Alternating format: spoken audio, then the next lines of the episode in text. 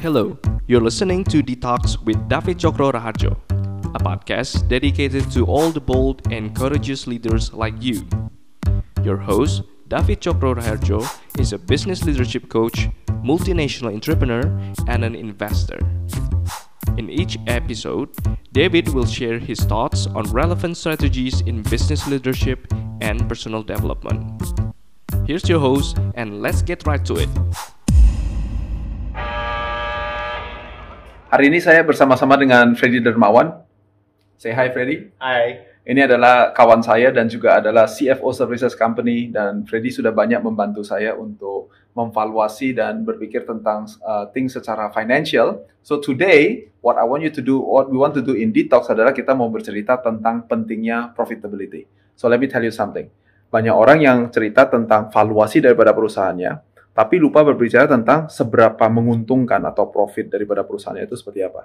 So Freddy biasanya saya selalu kasih tahu bahwa uh, we always talk about uh, three things, yaitu yang pertama adalah gross profit, yang kedua adalah operating profit, dan yang ketiga adalah net profit. So daripada saya yang menjelaskan, saya mengajak Freddy hari ini join saya di Detox, yaitu dua cerita tentang profitability, dan di belakang saya kita punya sebuah papan tulis, and Freddy is gonna share with you a little bit. Go ahead, Freddy.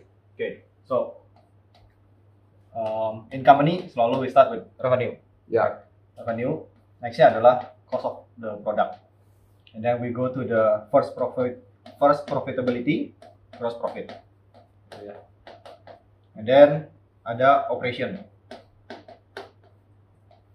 Yang kita sering sebut EBITDA atau it's actually uh, can be also EBIT, tapi this one Operating profit. sering orang bilang is a operating profit. And then di bawahnya ada non operating expense. Baru di bawahnya ada net profit. Very good. Jadi saya selalu kasih tahu adalah bahwa yang di sini nih yang namanya gross profit itu selalu cerita adalah revenue dipotong dengan COGS. COGS adalah direct cost dan mengakibatkan tentang gross profit. Definisi saya adalah semakin besar gross profitnya memberitahu kepada saya berapa banyak kesalahan yang saya bisa lakukan sebelum I lose the money. So again, I have together with uh, Freddy over here because saya selalu berfilosofi, tapi Freddy akan seperti jangkar bawa kalian untuk landing. So, want to talk more about gross profit? So, um, biasanya gross profit is as simple as um, how much money that we make from delivering our sales revenue. Hmm. Either itu jual produk atau itu our service gitu. Nah, setelah dipotong everything and then we get this gro- gross profit. Nah, isunya adalah gross profit uh, is something yang di luar everything uh, kita punya monthly operations gitu. Di luar monthly operation. So, pentingnya gross profit adalah gini. Kalau gross profitnya kecil atau let's say the margin is kecil or whatever it is, kalau gross profit aja je- jelek, gimana caranya kita bisa uh, uh, pay our operations gitu. So, instead of mikirin operations, bayar operation nanti net profit atau gimana, pertama-tama gross profitnya dulu berapa gitu. Nah, if you can understand your margin, let's say you have your gross profit margin 30%. Nah, revenue 100, berarti kan costnya 70. Ininya 30. Nah, kalau kita bilang, let's say 60%, berarti kan 100, 40, 60. Nah, tinggal mau kali berapa banyak, kuantitinya mau berapa banyak. If you don't understand this margin, you will fail in managing your operation. Karena jualan produk aja nggak tahu untungnya berapa. Gitu. So the first adalah your revenue, profitability dari produknya itu sendiri berapa persen. Ya, let me give some uh, commentary notes, right? Jadi revenue juga adalah sama dengan price dikalikan dengan quantity, Ya. right? Berarti artinya adalah ada orang yang uh, mau bikin uh, gross profit marginnya setebel-tebelnya semuanya adalah 90%, tapi cuma bisa jual satu unit. Dibedakan dengan kalau gross profit marginnya kita turunkan menjadi semuanya cuma 50%, tapi dengan saat demikian bisa jual satu juta unit. And so this is the magic number yang kita lihat di dalam tiga hal ini. Karena tiga hal ini saling bersangkut-sangkutan. But at the end of the day, kita nggak mau begini nih. Gross profit semuanya cuma uh, say uh, uh, 2%, tapi saya bisa uh, jualan semuanya uh, uh, 100 ribu unit or whatever it may be. Now maybe that is the magic number, tapi generally speaking di setiap industri sudah ada gross profit yang sudah di yang sudah ditetapkan.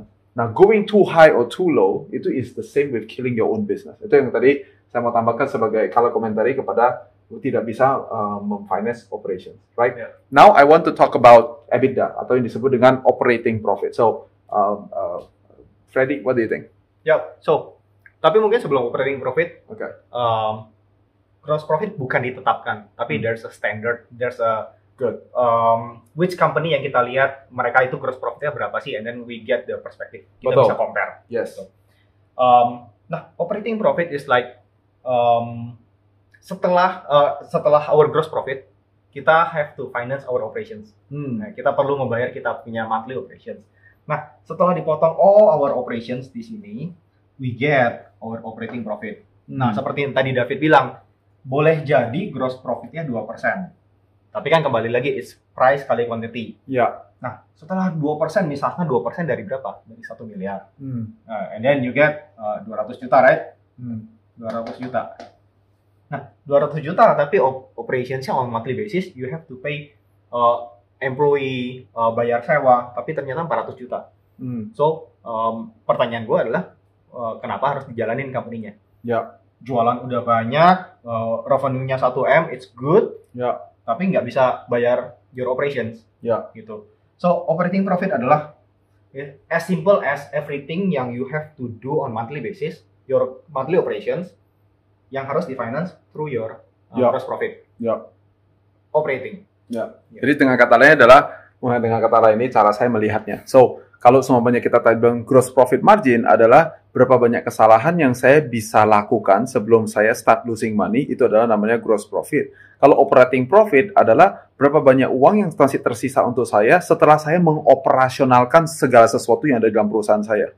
So that's what operating profit is gonna look like. So I want to ask to do now kind of like a case study. Barusan saya sama Freddy kita baru selesai judging sebuah perusahaan uh, F&B. So let's use the F&B sebagai contohnya. Uh, di dunia F&B kalau gross profit marginnya minimum tidak 50%, I think generally speaking segala sesuatu pengecualian tapi generally speaking if you're in F&B 50% adalah standarnya.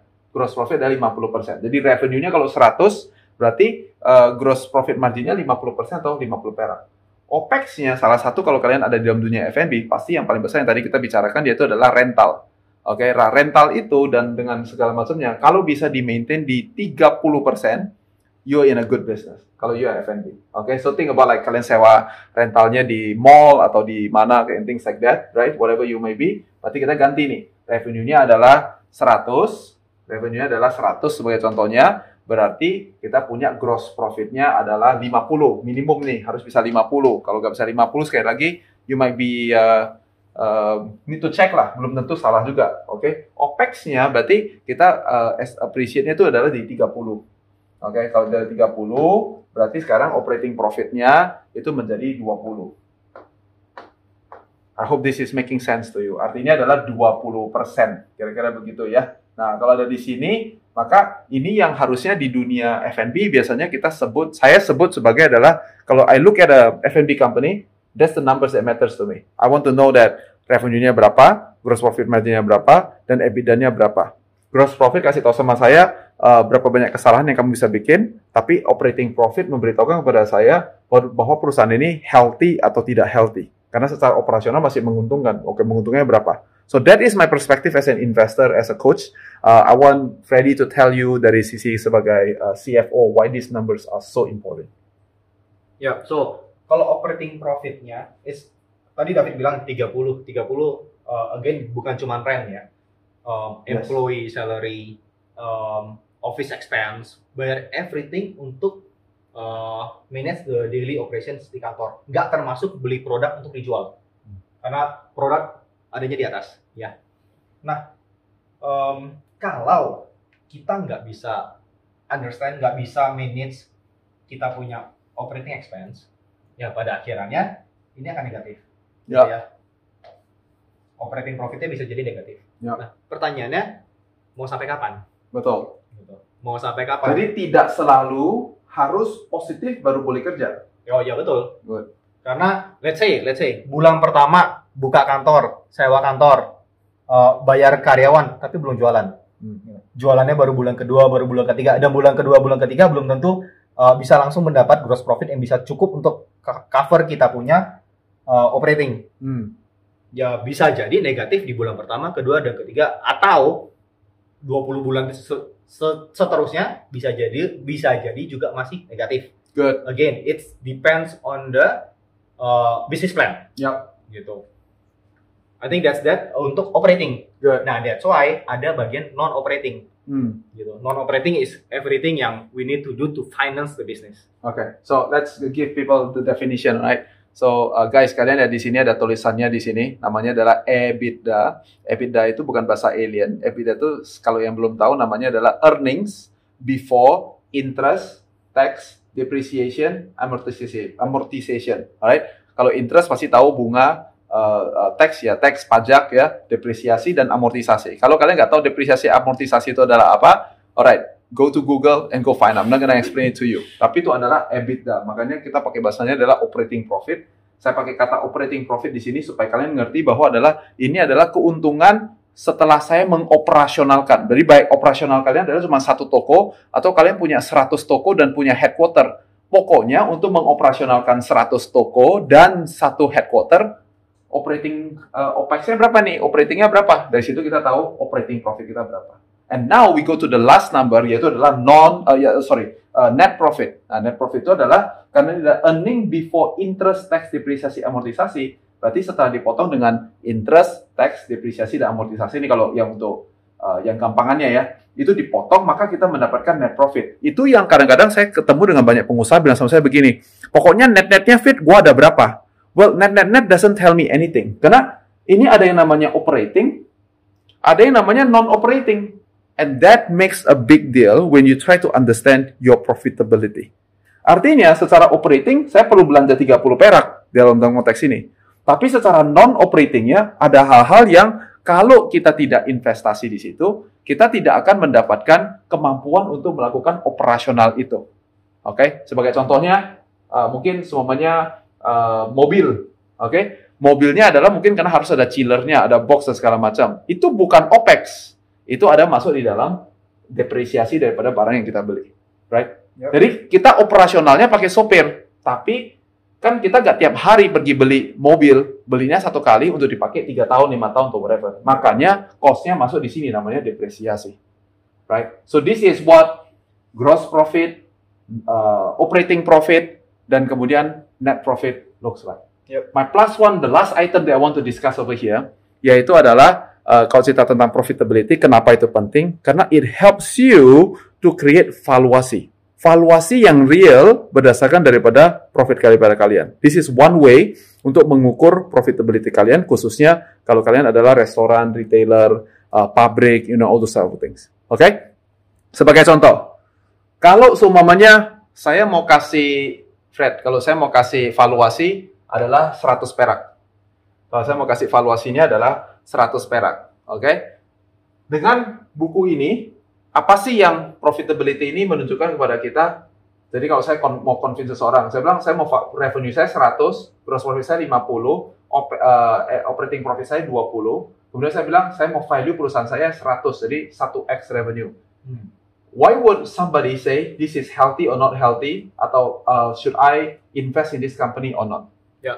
Oke, again itu jawabannya it depends. Mhm. Tapi let's say kalau dari this company, tadi kan kita bilang valuasinya mau 100 ya, Ya, 1x. 1x Ya. dari revenue.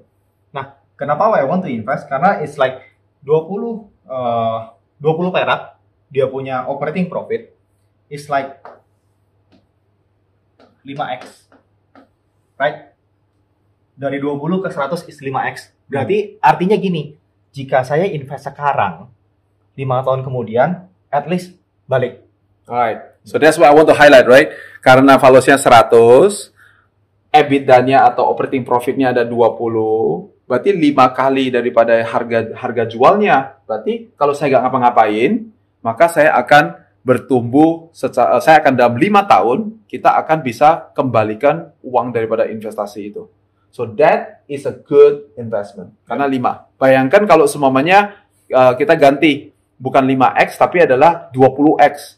Berarti adalah 20 tahun daripada sekarang baru kemudian saya bisa dapat sesuatu. Nah, here's the argument that a lot of people make. Yaitu orang bilang begini, tapi, tapi, tapi, ada tapinya fit. Tapinya kan, oh, nanti dalam lima tahun kita akan ekspansi lagi dan kita akan bisa punya valuasi yang lain-lain-lain. Two answers. Number one, yes it is true, valuasi datang dari, bukan hanya dari profit, juga dari tempat lain. Tapi ini adalah tempat yang paling uh, mendasar untuk membuat sebuah valuasi. Karena you can defend it with number. That's why you want to have people like Freddy in your team. Freddy punya perusahaan namanya Enlight Consulting, CFO Services Company. Bisa cari di saya punya contact list, DM me or anything like that. You need people like this karena dia pakai data dan bilang begini, perusahaan ini bisa di defend valuasinya seperti apa. So I make this detox today bersama-sama dengan kawan saya Freddy because I want to let you know that valuasi yang bisa di defend dengan nomor itu yang berguna untuk perusahaan kalian. You don't have to sell your company, you don't have to fundraising. Itu bukan tujuan daripada detox ini. Tujuannya adalah supaya kalau siapa tahu kalian kepingin mau tahu perusahaan saya ini sebetulnya value-nya di pasar berapa sih? That is one way and the more solid way to measure the value of your company. So this is David and this is Freddy. It is so good to be with you. Hope to see you again next time. Bye-bye. Thank you for listening to Detox. Ask DT your questions about business or personal development on davidchokroraharjo.com. See you on the next episode.